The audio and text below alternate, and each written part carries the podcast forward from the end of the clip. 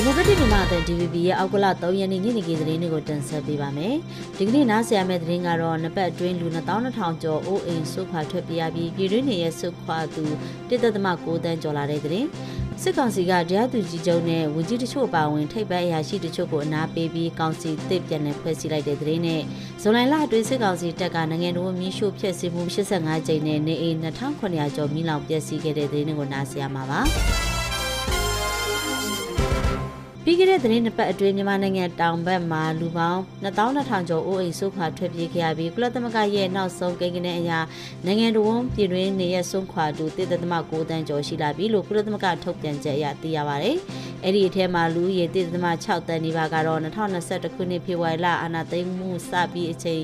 ဖြစ်ပေါ်လာတဲ့ပြည်ပခါနဲ့မလုံခြုံမှုတွေကြောင့်နေရဆွန့်ခွာထွက်ပြေးကြသူတွေဖြစ်တယ်လို့ကုလသမဂ္ဂလူသားချင်းစာနာမှုဆိုင်ရာပူးပေါင်းညှိနှိုင်းရေးယုံ UNOCHA ကပြောပါရယ်လက်တလုံးမှာတော့အကြမ်းဖက်စစ်အုပ်စုနဲ့လက်နက်ကင်တပ်ဖွဲ့တို့အကြားမှာပြည်ပခါတွေဟာနိုင်ငံရဲ့အရှိတောင်အရှိမြောက်နဲ့အနောက်မြောက်ဖက်တွေမှာဆက်လက်ဖြစ်ပွားနေတာကြောင့်နေရဆွန့်ခွာထွက်ပြေးရသူထပ်မံဖြစ်နေတယ်လို့လူသားချင်းစာနာမှုဆိုင်ရာလိုအပ်ချက်တွေများပြားနေစေဖြစ်တယ်လို့လည်းထုတ်ပြန်ချက်မှာဖော်ပြပါရယ်ဒါအပြင်ကချင်ပြည်နယ်ဝိုင်းမော်မြို့နယ်ကနတ်ဆန်ရန်ကျေးရွာနေမှာစစ်ကောင်စီတပ်ရဲ့စစ်ကောင်စီတပ်တွေနဲ့ကချင်လူမျိုးရေးတပ်မတော် KIA တို့အကြားတိုက်ပွဲတွေပြင်းထန်နေတာကြောင့်ပြီးခဲ့တဲ့ဇွန်လ26ရက်အထိဝိုင်းမော်နဲ့မိုးမောင်မြို့နယ်ကျေးရွာကလူပေါင်း900ကျော်ဟာဘေးကရနေရာတွေကိုရွှေ့ပြောင်းနေကြရတယ်လို့ဆိုပါတယ်။တရားသူကြီးကျုံတဲ့ဝင်ကြီးတချို့ပါဝင်စစ်ကောင်စီထိပ်ပိုင်းရာရှိတချို့ကိုကျမ်းမာရေးအကြောင်းပြချက်နဲ့နားပေးလိုက်ပြီးနိုင်ငံတော်စီမံအုပ်ချုပ်ရေးကောင်စီကိုအသစ်ပြန်လည်ဖွဲ့စည်းလိုက်ပါတယ်။နိုင်ငံတော်စီမံအုပ်ချုပ်ရေးကောင်စီကိုအမိန့်မှတ် 59မြင်းဆောင်2023ရဗိုလ်ချုပ်မူကြီးမင်းအောင်လှိုင်ပါဝင်လူပုဂ္ဂိုလ်18ဦးနဲ့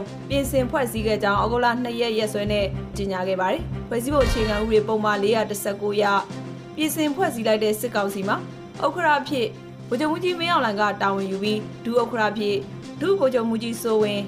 အတွင်းရေးမှုဖြစ်ဒုဗိုလ်ချုပ်ကြီးအောင်လင်းတွေနဲ့တွဲဖက်အတွင်းရေးမှုဖြစ်ဒုဗိုလ်ချုပ်ကြီးရဲဝင်းဦးတို့ကတာဝန်ယူသွားမယ်လို့ဆိုပါတယ်။အဖွဲ့ဝင်တွေဖြစ်ဗိုလ်ချုပ်ကြီးမြထွန်းဦးဗိုလ်ချုပ်ကြီးတင်အောင်ဆန်း ဒုဗိုလ်ချုပ်ကြီးမိုးမြင့်ထွန်းဒုဗိုလ်ချုပ်ကြီးစိုးထွတ်ဒုဗိုလ်ချုပ်ကြီးရာပြည့်ဥဝနာမောင်လေဒေါ်တွဲဘူးပိုးရအောင်သိန်းမန်းငိမ့်မောင်ဒေါက်တာမူထန်ဒေါက်တာဘာရွှေခွန်ဆန်လွင်ဥရွှေကျိန်းနဲ့ဥယျံကျော်တို့ပါဝင်တယ်လို့ဖော်ပြထားပါတယ်။အလားတူအမိမ့်မှတ်55မြင်းဆောင်56မြင်းဆောင်2023ဖွဲ့စည်းပုံအခြေခံဥပဒေ419ရ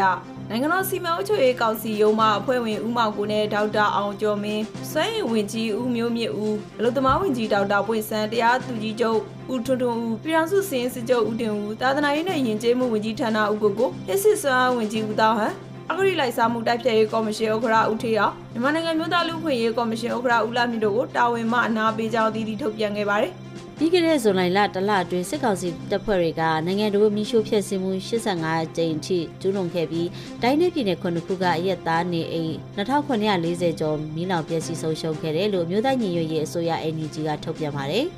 NUG အစိုးရပြည်ထရေးနဲ့လူမှုကြီးကြပ်ရေးဌာနမိသက်ဦးစီးဌာနကစီရင်ပြုစုထုတ်ပြန်ချက်အရစကိုင်းတိုင်းထဲမှာမီးရှို့ခံရတဲ့အကြိမ်ရင်55ကြိမ်နဲ့အများဆုံးကျူးလွန်ခံခဲ့ရပြီးစစ်ကောင်စီတပ်တွေမီးရှို့ဖျက်ဆီးမှုကြောင့်မီးလောင်ပျက်စီးသွားခဲ့ရတဲ့အရက်သားနေအိမ်1950အထိရှိခဲ့ပြီးမီးရှို့တပ်ဖြတ်ခံရသူ9ယောက် ထိခိုက်ပျက်စီးခဲ့တဲ့စာတီကျောင်းတစ်ကျောင်းနဲ့ဘာသာရေးအဆောက်အဦတစ်လုံးရှိခဲ့တယ်လို့ဆိုပါတယ်။အဲ့ဒီနောက်မှာတော့မန္တလေးတိုင်းထဲမှာမိချို့ခရမှု9ကြိမ်မိလောက်ပျက်စီးသွားခဲ့တဲ့အရက်သားနေအိမ်440တလုံးအထိရှိခဲ့ပြီးမိရှို့တပ်ဖြတ်ခံရသူ3ယောက်ရှိခဲ့တယ်လို့ဆိုပါတယ်။မကွေးတိုင်းထဲမှာတော့မိရှို့ခံရတာ9ကြိမ်ရှိပြီးမိလောက်ပျက်စီးသွားတဲ့အရက်သားနေအိမ်380တလုံးရှိခဲ့တယ်လို့လည်းထုတ်ပြန်ချက်မှာဖော်ပြပါတယ်။ရှမ်းပြည်နယ်မြောက်ပိုင်းမူဆယ်နဲ့နက်ခမ်းကြားမှာရှိတဲ့ လွယ်တင်းမင်းတောင်ကျောမှာဩဂုတ်လ2ရက်မနက်10:00နာရီကျော်လောက်ကစစ်ကောင်စီတပ်ပြည်သူစစ်ပူးပေါင်းဖွဲ့နဲ့ TNL PDF ပူးပေါင်းဖွဲ့တို့ကြားတိုက်ပွဲဖြစ်ပွားပြီး TNL နဲ့ PDF ပူးပေါင်းဖွဲ့တွေကစစ်ကောင်စီတပ်ရဲ့လက်နက်အများအပြားကိုရရှိခဲ့လို့ရှေ့တန်းနဲ့နီးစပ်သူတွေစီကနေသိရပါတယ်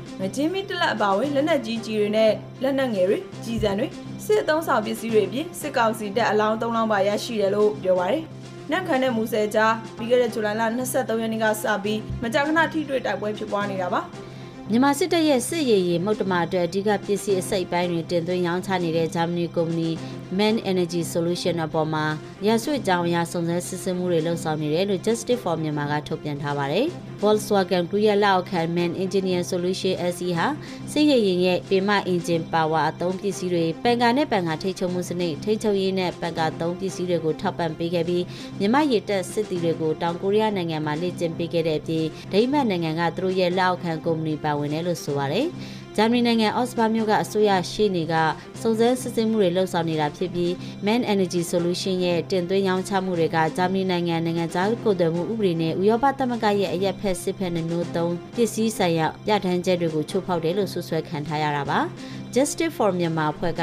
ပြရတဲ့သူတည်သနာနဲ့တက်တည်အထောက်အထားတွေကိုအသုံးပြုပြီးတော့တရားလွတ်တော်ရှင်းနေ Hogan Robo နဲ့အတူ Greenpeace Germany အဖွဲ့က